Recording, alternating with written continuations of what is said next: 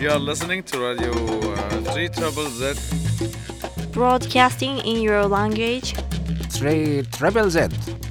Melbourne Ethnic Community Radio. 3 Triple Z. 92.3 FM. 3 Triple Z.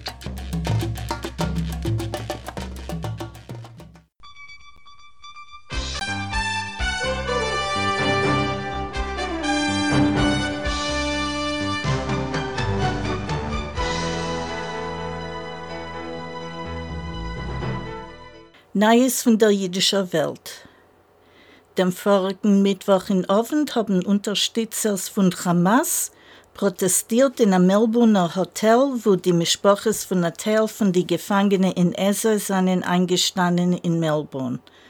Leute Demonstranten haben sie nicht gewusst, als die Mischproches befinden sich in einem Hotel.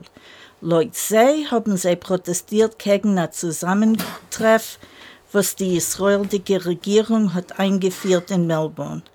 Viele Politiker haben getadelt die Demonstranten.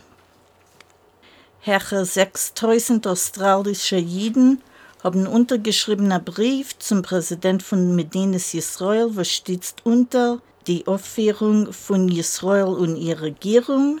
Der Brief ist gegeben geworden zum israelischen Präsident. Leute pro-palästinische Gruppen in Australien haben sie nicht gestützt Francesca Albanisis Reise finanziell. Sie ist beschuldigt geworden, in nicht halten sich bei den Takones von den Vereinigten Völkern und in nicht arbeiten Leuten professionellen Ethik. Die Sydneyer Theatergruppe hat gefordert, als Akteuren, welche haben ausgedrückt seine Solidarität mit den Palästinern von der Biene, sollen das mehr nicht tun. Hat ein Verwalter von der Gruppe, ein Philanthrop, hat schon resigniert zu dem. Studenten von der Queensall Mittelschule in New York haben protestiert gegen einen jüdischen Lehrer. Sie werden beschuldigt in Antisemitismus. Demonstrationen sind vorgekommen letztens in Indonesien auszudrücken Solidarität mit den Palästinern. Lokale Juden sagen, dass sie haben Meure, als ihre Leben seien nicht sicher dort, zu lieb die Demonstrations. Der neue Präsident von Argentinien hat besucht dem Käfer von dem Lubavitcher Reben in New York bemächtigt von seiner ersten Reise in Ausland sind er der Welt geworden.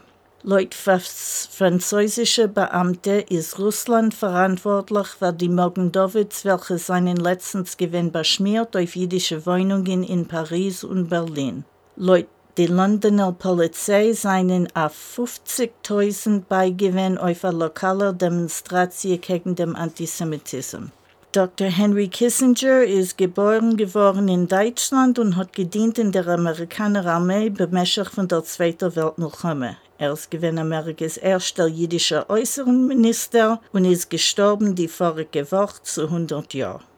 Die Vereinigten Völker werden geäußert, auszuforschen, das benutzen sich mit Vergewaltigungen via Kampfmittel mit Sad Hamas bei seiner Unfall auf Medinas Israel dem 7. Oktober Jahr.